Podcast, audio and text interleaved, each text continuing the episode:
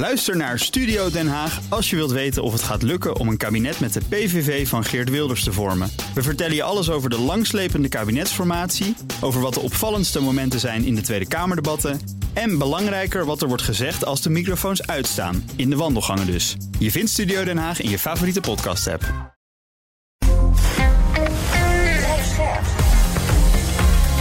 BNR Nieuwsradio. BNR breekt. Ivan Verrips. Goedemorgen en welkom. Vanaf half twaalf praten we over het nieuws van de dag. Over FVD-leider Thierry Baudet, die vandaag te horen krijgt... of hij een week door de Tweede Kamer wordt geschorst. En heeft dat dan zin? En we praten over fraudemeldingen bij de Belastingdienst. Daarvan liggen er duizenden op de plank. Hebben fraudeurs dus eigenlijk gewoon vrij spel. In mijn panel vandaag Lotte Lobé, oprichter van Top Sales Amsterdam... ook docent sales aan de Hogeschool Rotterdam. Goedemorgen. Goedemorgen Goed allemaal. dat je er bent. En Emma Mouthaan van skerenstudent.com. Goed dat je er bent. Goedemorgen. Nou, met jou had ook nog wel een en ander te bespreken zometeen. Ja. Iets met de rente en zo. Nou, dat komt zo meteen. We beginnen met... BNR breekt. Breekijzer. En het breekijzer heeft te maken met het eh, nieuws dat het aantal HBO- en universitair gescholden de afgelopen 40 jaar flink is toegenomen. Vroeger was dat 1 op de 9 mensen in ons land, hoog opgeleid zeg je dan. Nu is dat 1 op de 3 Nederlanders. En een slimme kop kan berekenen dat dat een verdrievoudiging is. Klinkt mooi, want heden ten dagen worden er steeds meer van werknemers verwacht en ook geëist. En dus kan een hoog onderwijsniveau een goede basis zijn voor succes. Aan de andere kant is dat wel gewenst. We komen handen tekort op allerlei plekken op de arbeidsmarkt, maar vooral ook vakmensen in de zorg, in het onderwijs, bij de politie. En gaan mensen met een WO-opleiding zonnepanelen aanleggen?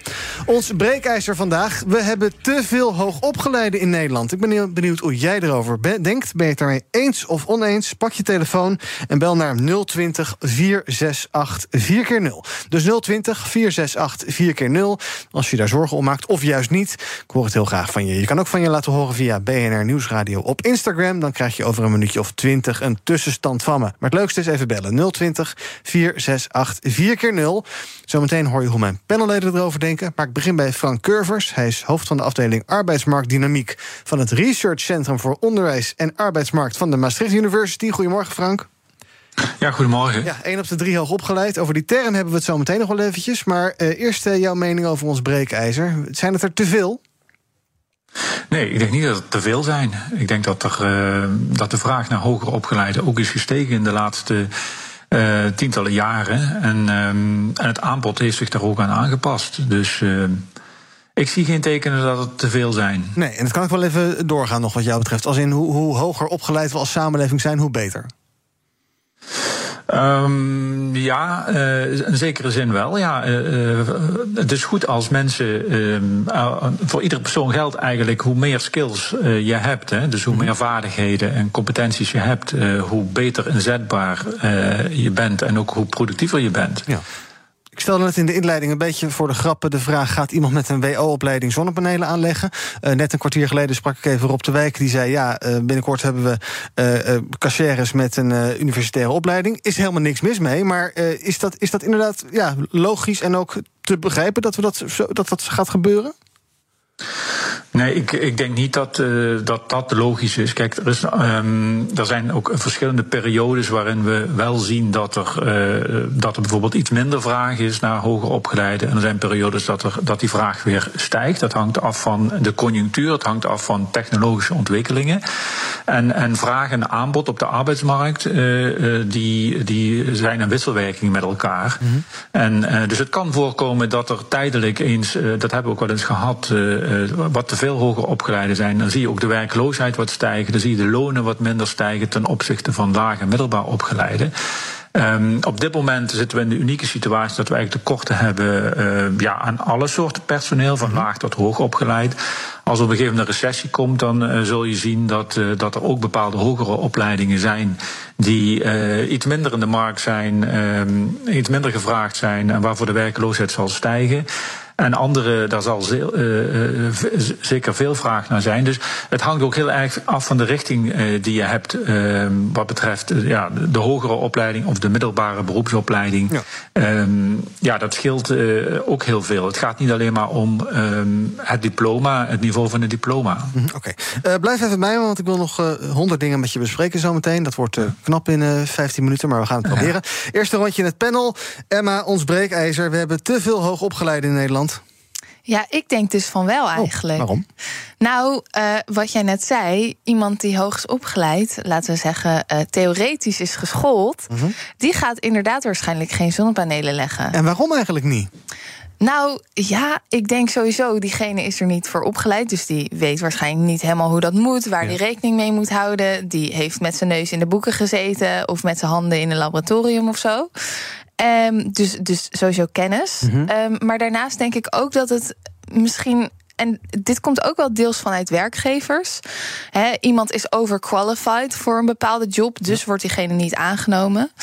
Um, maar ook vanuit de werknemer zelf, of de werknemer to be, die zoiets heeft van: dit is onder mijn niveau. Dus ik denk dat daar sowieso een beetje een, een bepaalde maatschappelijke druk is om, mm -hmm. om dat anders te doen. Ja, er is natuurlijk sowieso maatschappelijke druk voor mensen om. Uh, dat doen ouders en dat doet een, een, een, een, een overheid ook. Die wil graag dat je uh, nou, zo hoog mogelijk hè, zo het onderste mm -hmm. uit de kan haalt. Is dat goed? Is dat goed om mensen te pushen om het uiterste uh, van te halen wat eruit zit? Mm, ja, maar ik vraag me af of theoretisch geschoold worden... of dat daadwerkelijk voor iedereen het onderste uit de kan is en ja, ja. het beste is. Okay, maar dat is nu wel een beetje het gevoel. Hè? Dat het een ja. soort ladder is waarbij on, onderaan is mbo... en bovenaan is van WO. Maar is dat eigenlijk wel terecht? Oké, okay, nee. hebben we het zo nog wel eventjes over. Lotte, wat vind jij? We hebben te veel hoogopgeleiden in Nederland.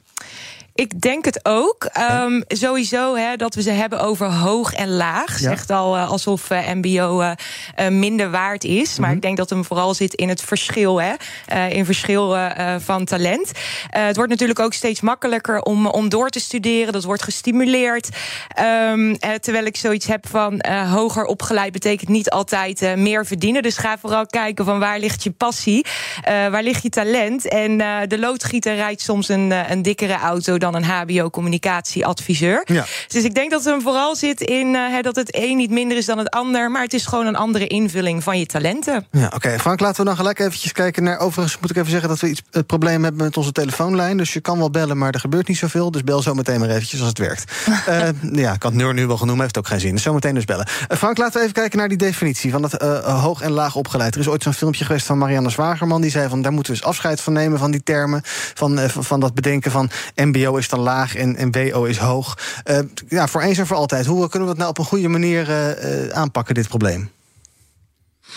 Ja, ik, ik geloof zelf niet zo in. Um in uh, het probleem uh, oplossen door andere namen te gaan geven. Uh, er wordt net wel al door de panelleden de indeling theoretisch versus praktisch opgeleide genoemd. dat, dat zegt op zich helemaal niks over het niveau. Mm -hmm. want um, en, en, dat is op zich een, een, een, dat kan een bruikbare op, uh, indeling zijn. Maar praktisch opgeleide kunnen ook mensen zijn die uh, een HBO-opleiding hebben. En zelfs in feite een chirurg die ook met zijn handen werkt en um, ook, ook uh, praktisch is opgeleid. Of een tandarts. En dat zijn dus ook hoogopgeleide. Ja, en, dat, is, um, dat is wel waar. Maar tegelijkertijd hangt er aan laag en hoog natuurlijk meteen zo'n sterk waardeoordeel. Dat kleine uitzondering zoals dat, ja, dat moeten we denk ik dan maar voor lief nemen. Denkt u dat niet? Hm. Uh, nou, het zijn geen kleine uitzonderingen. Het zijn grote, grote groepen op de arbeidsmarkt. Je hebt ook MBO'ers die theoretisch zijn opgeleid. Uh, dus ja, het zijn echt wel grote groepen. Het uh, Centraal Bureau voor de Statistiek heeft er ook nog uh, onderzoek naar gedaan. Dus je kunt echt niet theoretisch versus praktisch opgeleide. Dat, dat is een indeling die eigenlijk onbruikbaar is om iets te zeggen over het niveau van de opleiding. Um, kijk, als je een betere term hebt dan laag, middelbaar en hoog opgeleid, en ook, we gebruiken ook nog eens ongeschoolde. -hmm. Ja, dan, uh, dan, dan hoor ik het graag. Maar op zichzelf is een, een, een stigma dat verbonden is aan een, een woord, uh, een bepaald woordgebruik, is. Uh, uh, ja, dat, dat, dat uh, is er meer een, een, dat is eigenlijk een ander probleem. Want op het moment dat je het woord gaat, gaat vervangen, krijg je toch dat stigma weer terug. Hè? Ja. Dus het is, het is, kijk, waar je, wel, waar je zou wel kunnen spreken in plaats van laag, middelbaar en hoogopgeleide, noem het beestje bij de naam. Dan kun je zeggen VMBO'ers, MBO'ers, HBO'ers en WO'ers. Mm -hmm dan ben je daar vanaf. Dat is de enige oplossing ja. die ik daar nu uh, in zie. Lotte?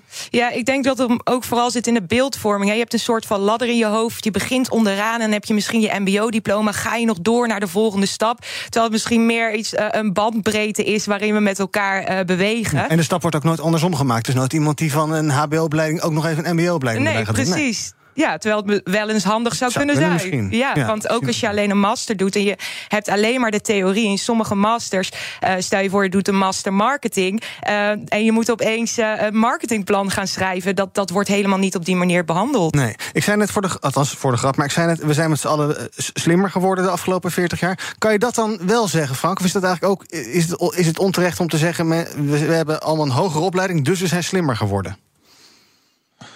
Um, ja, een, een, nee, ik, wat is slimmer? Hè? dat is maar de vraag. Hè? Dus uh, kijk, op het moment dat je een goede loodgieter bent en met je handen uh, ja, een vakman uh, bent en de kneepjes van het vak kent, uh, dat is ook een, een soort van slimmigheid. Hè. Dus uh, wat is slimheid, wat is intelligentie? Dat heeft heel veel verschillende dimensies. Hè. Mm Men, er zijn ook mensen die gewoon veel beter met hun handen en in de praktijk werken dan mensen die vanuit de theorie of vanuit plannen werken. Dat, dat is een ander soort intelligentie. Ja. Daarnaast heb je ook nog sociale intelligentie. Er dus, dus ook nog, er zijn ook mensen die buitengewoon bekwaam zijn om, om uh, te communiceren met anderen of uh, anderen te helpen in, uh, in zeg maar de psychologen of psychiaters mm -hmm. of maatschappelijk werkers.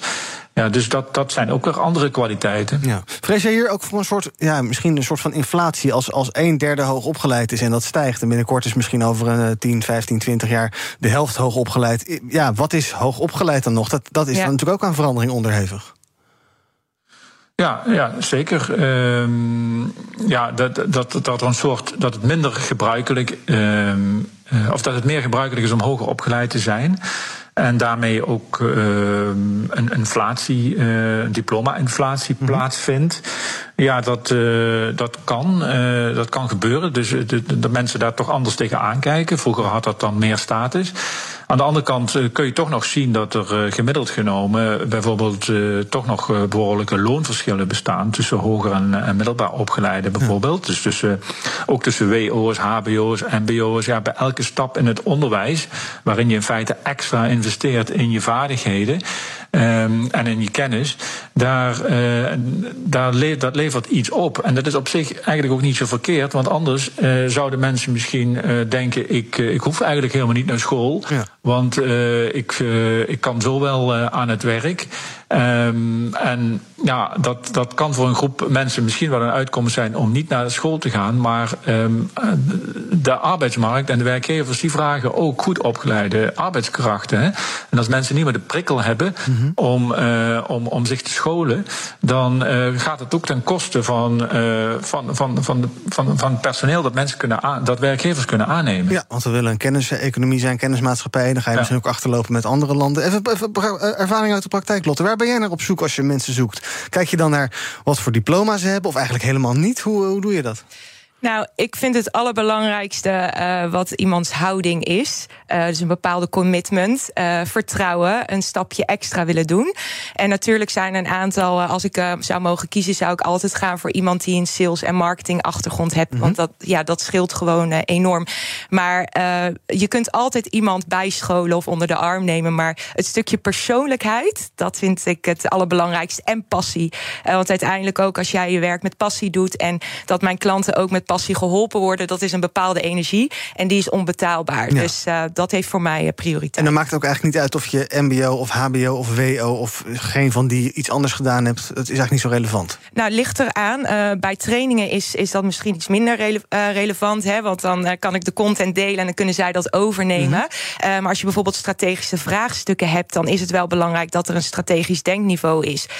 wat je leert op, op HBO en universiteit. Ja. moet ik wel wel zeggen dat uh, als je kijkt naar hoe het is ingericht, ook met name op HBO-opleidingen, uh, dat er veel gedaan wordt aan groepswerk. Hè. Dus er zijn heel veel studenten die die eerste jaren gewoon meekomen of kunnen meeliften. Maar dan uiteindelijk moeten ze toch zelfstandig en strategisch kunnen denken. Dus mm -hmm. ik denk dat daar ook nog wel een uitdaging zit. Ja. Uh, dat de drempel hè, van ga maar HBO doen of een verkort traject of ik lift wel lekker mee.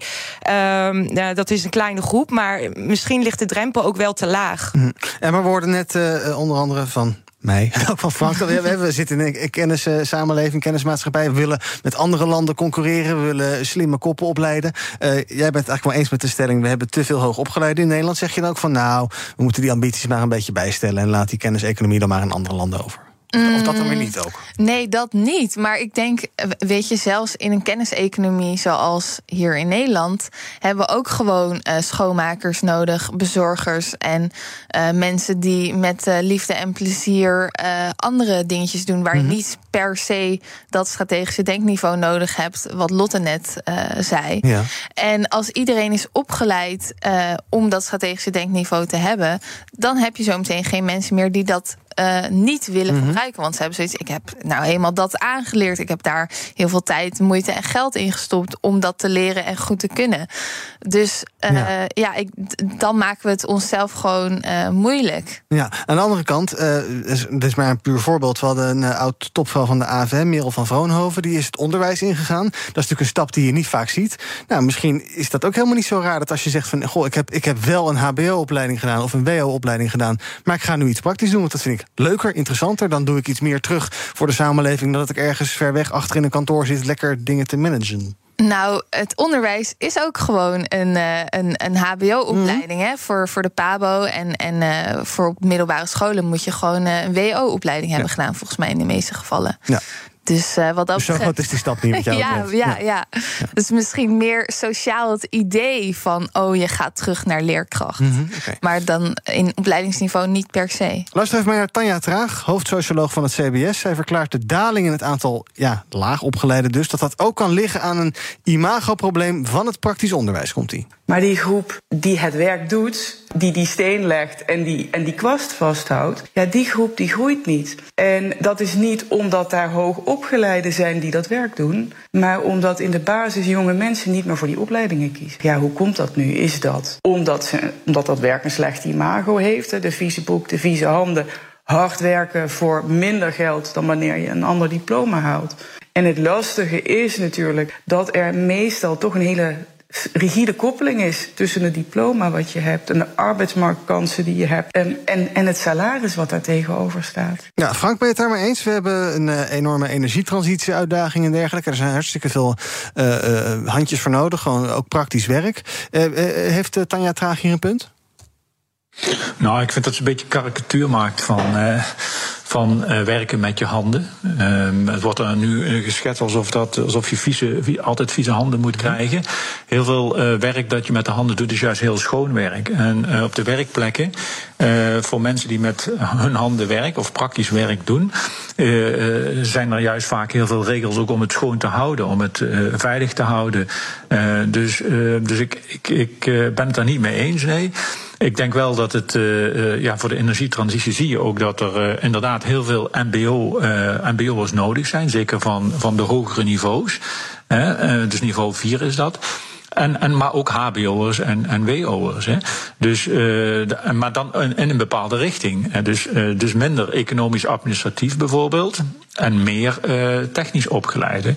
Ja. dat is meer de, de, kwestie, denk ik. Ja. Zag ik ook voorbij komen, bijvoorbeeld laatst in de, in Telegraaf... en het was dan maar één voorbeeldje. een artikel over loodgieters. Die zouden 800 euro per dag ja. verdienen. Nou, dat lijkt me een enorm bedrag. Ik haal dat bij lange na niet binnen. Ik denk in een week geen eens, bij wijze van spreken. Of letterlijk, geen idee, ik moet even rekenen. Ehm, Frank, zie, zie, je daar wel een kentering dat hoog, ja, wat we klassiek dan zien als hooggeschoolde banen, dat, dat, dat, en laag wat als minder betaald, dat dat een beetje naar elkaar toetrekt? Nou, op dit moment zijn er gemiddeld genomen nog, uh, nog uh, altijd uh, grote verschillen. Hè. Alleen inderdaad, voor loodgieters en andere technisch opgeleiden, die kunnen op dit moment ook veel geld verdienen. omdat er enorme vraag is naar die mensen. En ik, ik vind dat goed dat er dat, dat, dat dat signaal van die arbeidsmarkt dus nu gegeven wordt. -hmm. hè. Die, schaarste leidt tot, tot hogere lonen. En zo, is, zo moet het ook zijn. Dus dus op die, op die manier wordt het ook aantrekkelijker om loodgieter te worden. En zullen op een gegeven moment uh, ook, ook meer mensen dat gaan doen. Ja. Het kan zelfs zijn dat mensen die een HBO-opleiding hebben, dat die op een gegeven moment zeggen: ja, ik, uh, ik word zelfstandige loodgieter bijvoorbeeld. Ja. Um, en ja, daar is niks mis mee. en alleen, ja, je zou kunnen zeggen, dan hebben we misschien te weinig loodgieters. Maar, um, of we hebben te weinig MBO-opgeleiden. Maar dat, het gaat dus niet alleen maar om het niveau, het gaat ook om de richting. Hè, want in heel veel andere richtingen op MBO-niveau, meer economisch eh, administratief, daar zie je alleen maar krimp in de werkgelegenheid. Precies, niveau zegt dus ook niet alles. Oké, okay, we gaan uh, experimenteel even kijken of de telefoonlijn werkt. Zou leuk zijn. Meneer Huigens, goedemorgen. Nee. Met Huigen. Ja, zegt u het maar. Ja, goedemorgen. De oude wijsheid is, de theorie is heel veel laat als het met de praktijk gaat gepaard. Vroeg, voor tegenwoordig kun je met de VWO gewoon naar de universiteit. Vroeger moest je met keiharde cijfers van de HBS afkomen en dan kon je het gaan proberen. Maar dan de praktijk in. En je kan in de wereld zien dat Poetin is 70, dus dat, dan krijg je de wijsheid, die kom je pas na de kennis. Ja. En ook in Amerika zijn het hoogbegaafden die naast de theorie ook de wijsheid hebben gehad. En daar moeten we weer terug naartoe. Ja, in het geval van Poetin kan je misschien ook zeggen hoe ouder, hoe gekker. Maar dat terzijde. Jan, goedemorgen. Goedemorgen, Ivan. Zeg het maar. Ja, ik eh, ben het eens met de stelling. Eh, maar eigenlijk zou je hem toch een beetje moeten omdraaien. Eigenlijk zijn er gewoon te weinig eh, mbo's of, of praktisch gescholden eh, op dit moment beschikbaar. Het is natuurlijk om allemaal eh, hogere opleidingen die vaak inderdaad theoretisch zijn te gaan doen. Dat is ook iets wat vanuit ouders nog steeds gepusht wordt. Hè. Ja. Er zijn nog steeds legio-ouders en dat weet ik van mijn partner uit het onderwijs, uit het middelbaar onderwijs. Eh, heel veel ouders die pushen toch echt hun, hun kinderen en ook de school daarmee om eh, het kind toch maar naar een hoger niveau te krijgen. Dus niet van, van, van MAVO, maar het moet toch HAVO of VWO worden, want dan zijn de toekomstkansen toch groter. Misschien moeten we van dat eh, stigma eens een beetje af. Ja. Misschien kan de overheid daar ook eens in informeren met, met informatiespotjes. Op dit moment is het zo dat ehm, heel veel theoretisch geschoolde mensen allemaal prima. Maar als je eh, zonnepanelen kapot zijn of je vaatwasser moet vervangen worden, dan hebben we toch echt de praktische mensen nodig. Dank voor het bellen. Antonio, goedemorgen. Goedemorgen. Zeg het maar. Ehm, ik, ik, eh, ik, want ik wilde even, even reageren op, eh, op wat Iwan net vertelde. Dat je dus vertelde dat er weinig. Dat, er, dat, het, dat het eigenlijk HBO'ers nooit teruggaan naar een, naar een MBO-opleiding. Mhm. Nou, ik ben zelf docent eh, aan de Haagse Hogeschool voor de opleiding integrale veiligheidskunde. Ja. Wat wij wel eens zien is dat studenten binnenkomen en de opleiding afronden, maar dan, wel, maar dan zeggen nou, ik wil toch basis politieagent worden. Mhm. En dat is een MBO-opleiding. Ja, dus het gebeurt wel degelijk. Ja, ja, ja. Ik, ik, ik, ik, ik heb geen studie naar gedaan, maar er zullen vast wel meer voorbeelden zijn, denk ik. Dat is wel wat bij ons vaak gebeurt. Heel goed, dank voor het bellen. En nog twee bellers tot slot van dit half uur. Henk, goedemorgen. Henk? Hallo. Hallo, zeg het maar. Ehm, ik denk eigenlijk dat het allemaal niet zo heel, heel ehm, moeilijk is. Ehm, als jij kan kiezen tussen ehm 50% het, thuiswerken en een, goed salaris, vaak krijg je nog eh, een- een auto van de zaak.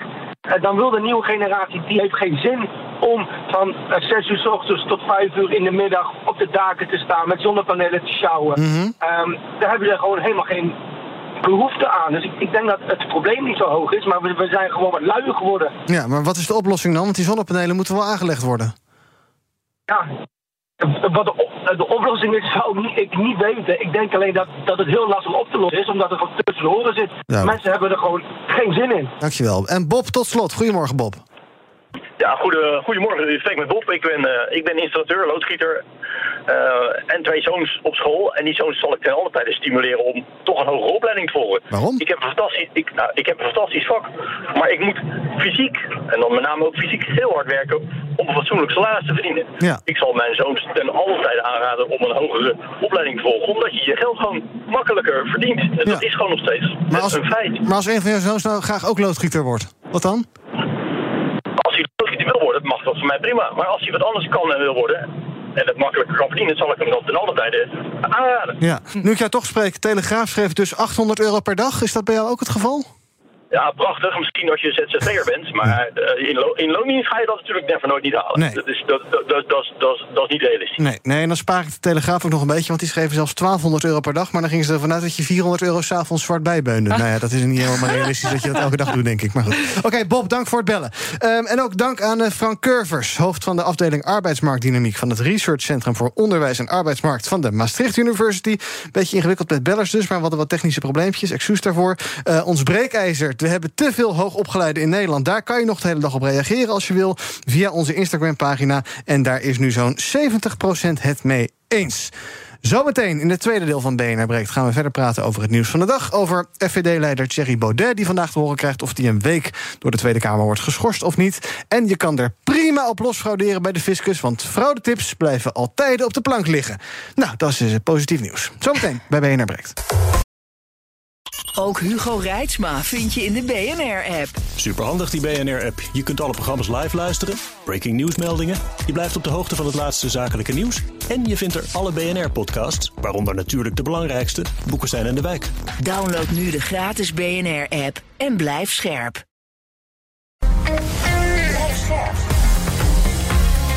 BNR Nieuwsradio. BNR breekt. Ivan Verrips. Welkom terug in mijn panel vandaag. Lotte Lobé, oprichter van Top Sales Amsterdam. Ze is ook docent aan de uh, Hogeschool Rotterdam als het om sales gaat. En Emma Mouthaan van skerenstudent.com. En we gaan praten over het nieuws van de dag. Dat zal uh, vanmiddag onder andere worden bepaald door Thierry Baudet. Want dan wordt bekend of de FVD-leider een week lang niet mag deelnemen aan debatten in de Tweede Kamer. De Kamer gaat er vanmiddag over stemmen. De NOS meldde al dat daar waarschijnlijk een meerderheid voor is. De reden voor de schorsing is dat hij zijn nevenfuncties niet duidelijk heeft opgegeven. Het is de eerste keer dat dit gaat voorkomen. Dat iemand dus een week wordt geschorst. Mag nog wel stemmen, maar mag niet meer meedoen aan de debatten. En dan vraag ik me een beetje af, ja, um, Lotte, hij houdt zich dus niet aan de regels. En dan Ja, mag je even, eh, mag je, nou, misschien inderdaad, maar dan mag je even niet meer meedoen. Is dat terecht? Ja. Ik denk van wel, want ehm, het gaat denk ik niet zozeer om dat hij nevenactiviteiten gedaan heeft, maar het feit dat hij er niet eerlijk over is geweest. Hij vertegenwoordigt het volk, in ieder geval een, een stukje van het volk.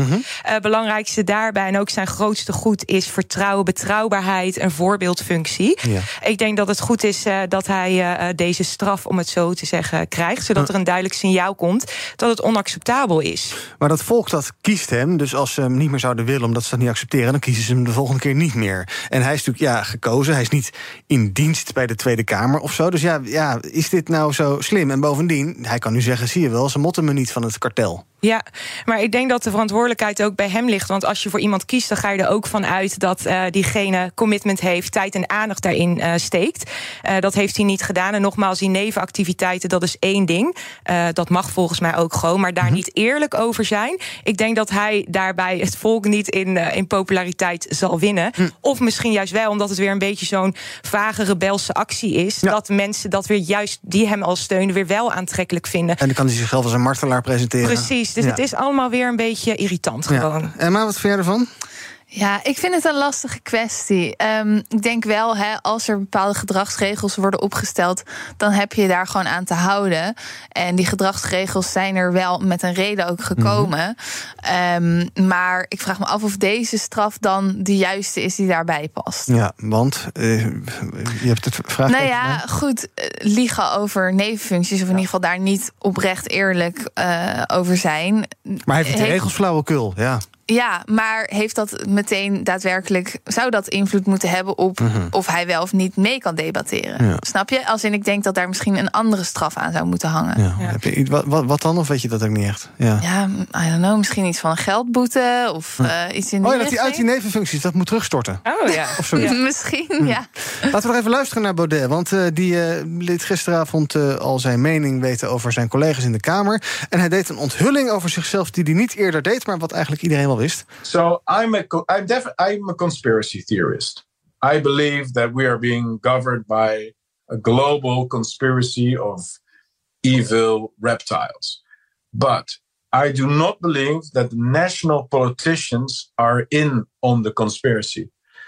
As a friend of mine said, they are so stupid you don't even have to bribe them. Ja, ehm, iedereen die dit ziet eh, denkt, die man die is eh, niet helemaal goed snik, denk ik.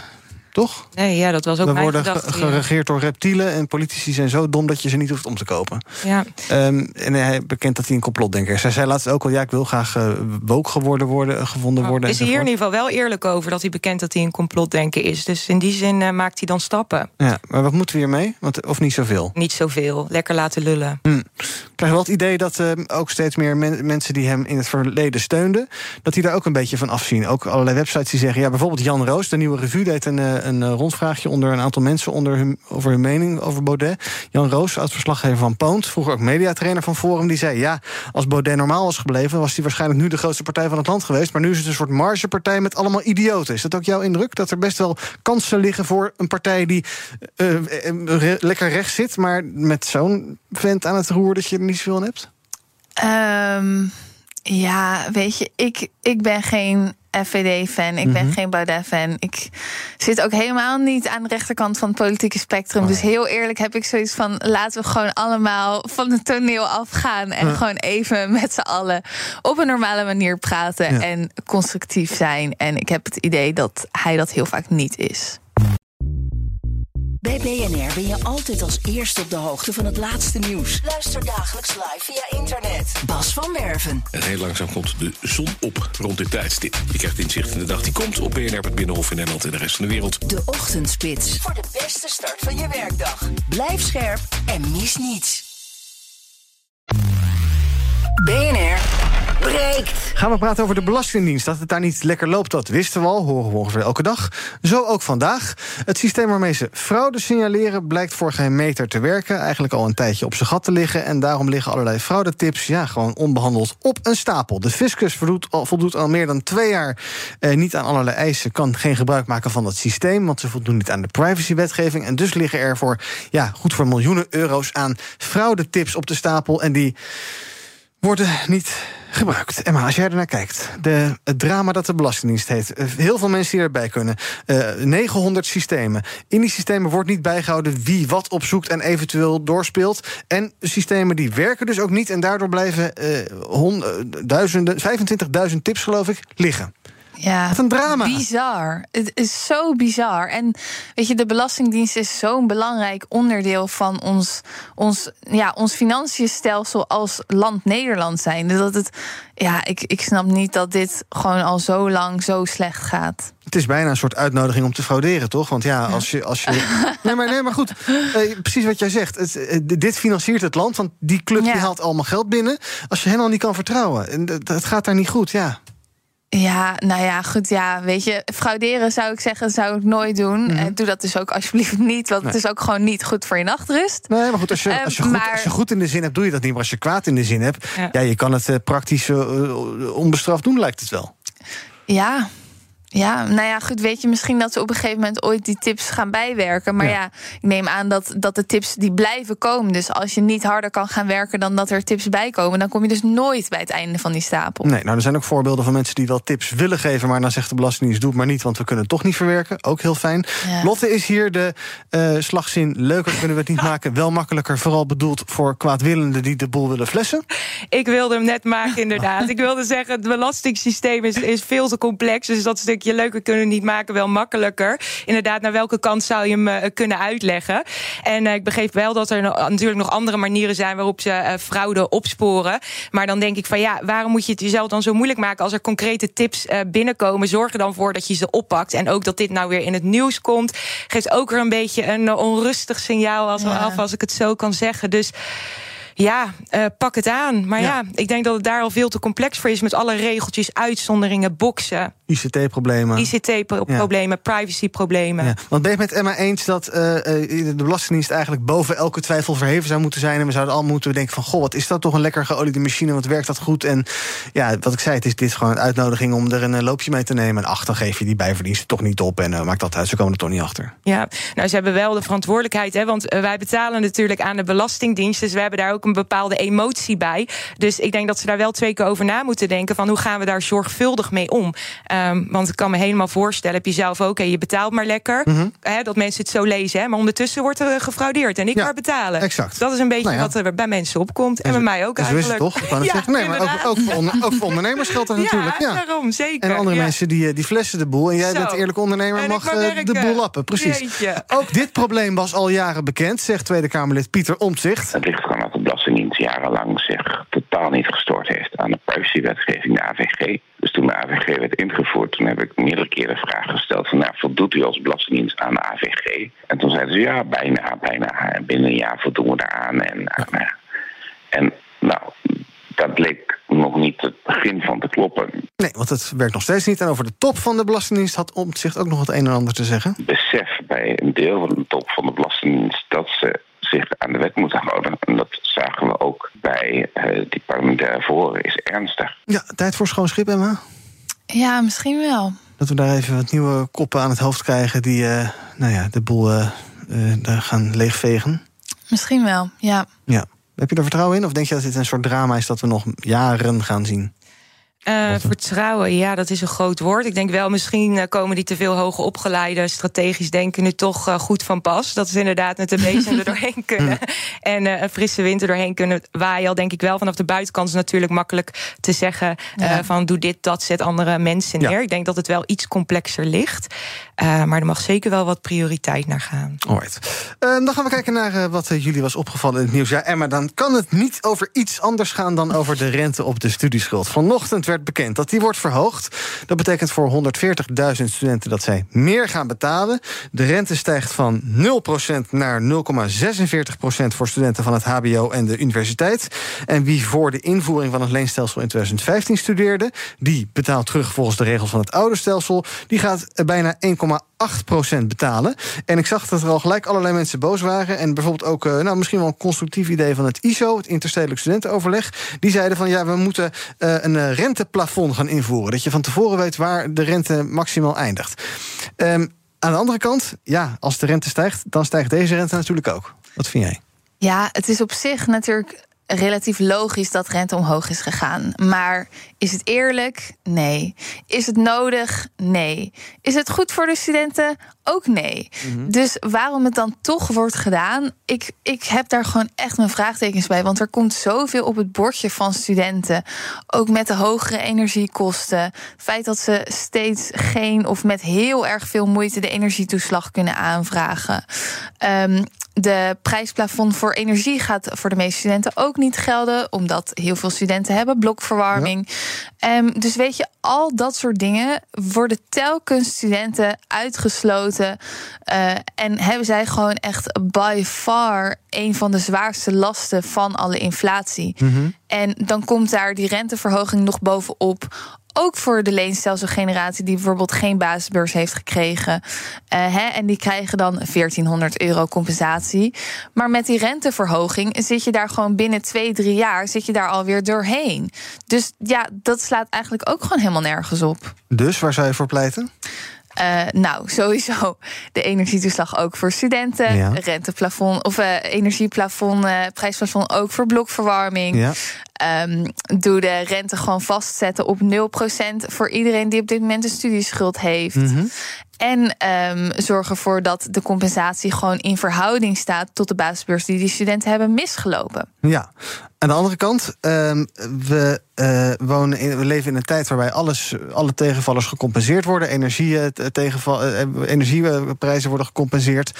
Um, allerlei andere zaken, ook voor ondernemers tegenwoordig. Dat is hartstikke goed, maar je kan natuurlijk niet altijd alles blijven compenseren. Dus uiteindelijk zal er toch een keer iemand moeten gaan betalen. En moeten die studenten misschien ook een beetje mee betalen, ja. Tuurlijk, maar die studenten moeten nu steeds alles betalen mm -hmm. en er wordt niks gecompenseerd. Dus dan kan je ook afvragen waarom worden hun, ja, wordt er steeds op hun bordje alles gewoon. Ja, dan moet je hen dus ook compenseren. Als je ja. iedereen compenseert, dan moet je. Dat, maar goed, dan blijf je tot in de oneindigheid maar goed, van alles. Dan, dan is het dus de vraag: waarom, studie, waarom compenseren we studenten niet? En al die andere groepen wel. Ja. Waarom zijn arme studenten met een laag inkomen minder waard dan gewone mensen, zeg uh -huh. ik even met aanhalingsteken met een laag inkomen? Lotte, wat vind jij? Ik denk dat die groep studenten, dat zijn ook een wat, ja, kwetsbaar vind ik altijd zo'n vervelend woord. Maar zijn mensen die nog aan het begin uh, van hun carrière staan, die hebben nog zo lang te gaan.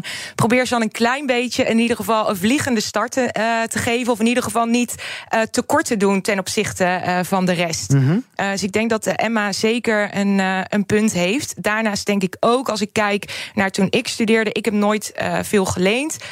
ik heb erbij gewerkt. En ik, ik zag ook dat heel veel studenten zeiden, nou, ik ga lekker op een skitripje en het kan niet op en ik blijf maar bijlenen. Dus ik denk dat er ook een stuk opvoeding in zit van waarvoor leen je? Leen je nou voor je studie mm -hmm. of leen je om, uh, om andere uh, dingen te doen? Dus het is denk ik tweeledig. Uh, Daar moet Emma van op reageren.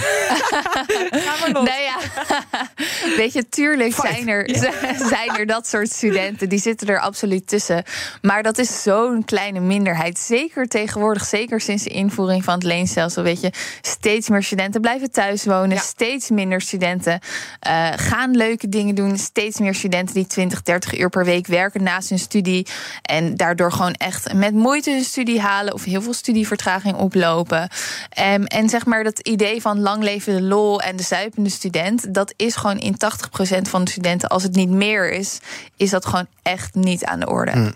Twee, eh, twee ideeën nog. Ehm, eh, eh, ISO zegt dus: kom met een eh, renteplafond, zodat je van tevoren weet waar je maximaal aan toe bent. Goed idee? Ehm, ja, maar nog beter om gewoon te zeggen: Rentepla- geen rente. Renteplafond nul. Ja, Ja. oké. duidelijk. Goed plafond. ja. Robert Dijkgraaf dan, de verantwoordelijk minister, die zegt: Ja, ik kan me voorstellen dat studenten en ook oud-studenten zich zorgen maken. Ehm, vooral in een tijd dat alles duurder wordt. Minister benadrukt dat Duo, die de uitvoering doet, rekening houdt met je persoonlijke situatie. Eh, zit daar iets in of maak je je daar wel zorgen om? En is dat een makkelijk ja, gezegd van iemand dat is heel die eh, makkelijk gezegd. een anderhalve ton per jaar verdient? Ja, het is heel makkelijk gezegd. Kijk, ik snap het idee daarachter, maar in de praktijk is dat gewoon niet hoe het werkt. Weet je, dat hebben we ook gezien bij de Belastingdienst en de toeslagenaffaire. Er wordt gewoon gekeken naar de regels en er wordt helemaal niet rekening gehouden met persoonlijke situaties. Dus dat hij dit nu zo gaat zeggen en beloven, vind ik bijzonder. Ja, want je hebt weinig vertrouwen in maatwerk door Duo. Ja, Ja. ja. absoluut. Goed, laten we even kijken wat er trending is op de socials. Nou, hashtag mist doet het nog goed. Niet alleen online, maar ook menig gesprek bij de koffieautomaat... zal vanochtend zijn gegaan over die dikke laag mist. Daar hadden ze ook op Eindhoven Airport last van vanochtend... vertelt woordvoerder Gijs Vinken. Wat vertrekkend vliegverkeer nodig heeft, is eh, minimaal 300 meter gewoon vrij zicht eh, om eh, veilig het luchtruim eh, te kiezen. En dan kom je, ja, dan kom je meteen ook op het, eh, op het andere stuk van hoe zit het dan met, met landend verkeer. Nou, die hebben net iets. Ja, die hebben natuurlijk iets eh, beter of eh, iets meer zichtwaarde nodig. Is 550 meter. En daar zitten we helaas nog niet aan. Ja, zijn toch van die leuke feitjes voor een verjaardag. Een landend vliegtuig heeft 550 meter zicht nodig. Ja, ik wist het niet. Inmiddels is het eh, vliegverkeer daar weer op gang. Ook trending hashtag Iran en hashtag Teheran blijven geliefde onderwerpen op Twitter. Mensen blijven zich uitspreken tegen dat land. Zeker nu bekend is dat ze drones leveren aan Rusland. En de EU nadenkt over sancties. En verder ook uiteraard veel aandacht voor dat Amber Alert. Hashtag Raamsdonksfeer en hashtag vermist zien we bovenaan staan. Ehm, in de buurt van Breda is een gehandicapt meisje van 10 jaar vermist. En ze is daar voor het laatst gezien, dus in Raamsdonksfeer. Waarschijnlijk met haar begeleider in een auto. Een zwarte Kia Picanto. Meisje draagt een paarse rugtas, roze jas en zwarte rok. En er is een grote actie ingezet, onder meer met helikopters en dergelijke. En eh, nou, eh, hopelijk eh, worden zij veilig teruggevonden, voor zover dat nog kan. Ik hoop het maar, dat het allemaal goed komt. Mocht je er iets over weten, dan weet je uiteraard welke kanalen je moet eh, eh, eh, contacten. Namelijk gewoon 112 als je die auto tegenkomt bijvoorbeeld. Meer informatie daarover moet je maar even online zoeken. wie ze precies zoeken enzovoort. Tot slot van deze uitzending nog eventjes het volgende. Geen grootschalige bouwprojecten, maar gewoon in elk dorp een straatje erbij. De Financiële Telegraaf schrijft dat we binnen een paar jaar 300.000 woningen kunnen bouwen. Als we in elke dorp dus een nieuwe straat aanleggen. Dat is niet een of andere brain fart van de Telegraaf. Maar dat blijkt dus uit onderzoek van het Economisch Instituut van de Bouw. 300.000 extra woningen door in elk dorp een straat erbij te leggen. Goed idee? Nou, het wordt in ieder geval wel iets concreter en het krijgt ook wat meer beeldvorming.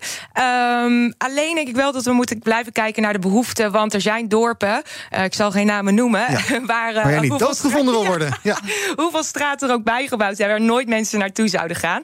Dus ik vind het concept vind ik leuk. Ik denk dat het ook wel aan kan slaan. En eh, er zit een beetje beweging in. Mhm. En nu nog even eh, ja, wat meer de diepte in Ja. en kijken naar de behoeften van de mensen. Jij dan binnenkort in die excuusstraat woont, omdat Ja, de jongens een hebben. Goed idee, Emma? Zie je het wel zitten? Of, wil- je vooral straten in steden erbij als het in jou ligt? Eh, nou ja, ja, ik denk wat dat betreft is- er gewoon wel meer vraag op bepaalde plekken naar huizen dan op andere plekken. Ja. Maar dat gezegd hebben, dan denk ik, hè, als if the price is right, dan eh, willen mensen vast ook wel op, eh, nou ja, wat verder weg, verder van de randstad plekje wonen. Ja. Ja, weet je, dan moet je gewoon andere dingen aantrekkelijker maken. En in ieder geval fijn is dat er clubs zijn die een beetje ja, buiten de gebaande paden denken en dan met dit soort creatieve ideeën komen. Ja, weet je wat, wat Lotte net zei? Het is in ieder geval heel goed voor de beeldvorming. Want één straat per dorp, dat is concreet. Kan iedereen zich iets bij bedenken. Ja, en dan ben jij ook degene die in die straat gaat wonen. Dat is hartstikke leuk. En je moet het ook Nou, aparte, aparte naambordjes krijgen, gouden naambordjes en dergelijke. Ik zie het helemaal voor me. Alright, nou Hugo de Jonge kan ermee aan de slag. Dank voor jullie aanwezigheid bij BNR Breekt vandaag. Lotte Lobé en Emma Mouthaan. Morgen ben ik er weer. Tot die tijd kun je ons volgen via de socials. Zoek maar even op BNR. Maar het leukste is om gewoon je radio aan te houden. Want dan hoor je over een paar minuutjes al Edwin Mooibroek met zaken doen. Ook Diana Matroos vind je in de BNR-app. Ja, inderdaad. Je kunt live naar mij luisteren tijdens de Big Five. Ook handig in de BNR-app. Breaking nieuwsmeldingen, maar ook het allerlaatste zakelijke nieuws. En je vindt in de app alle BNR-podcasts, waaronder Wetenschap Vandaag. Download nu de gratis BNR-app en blijf scherp.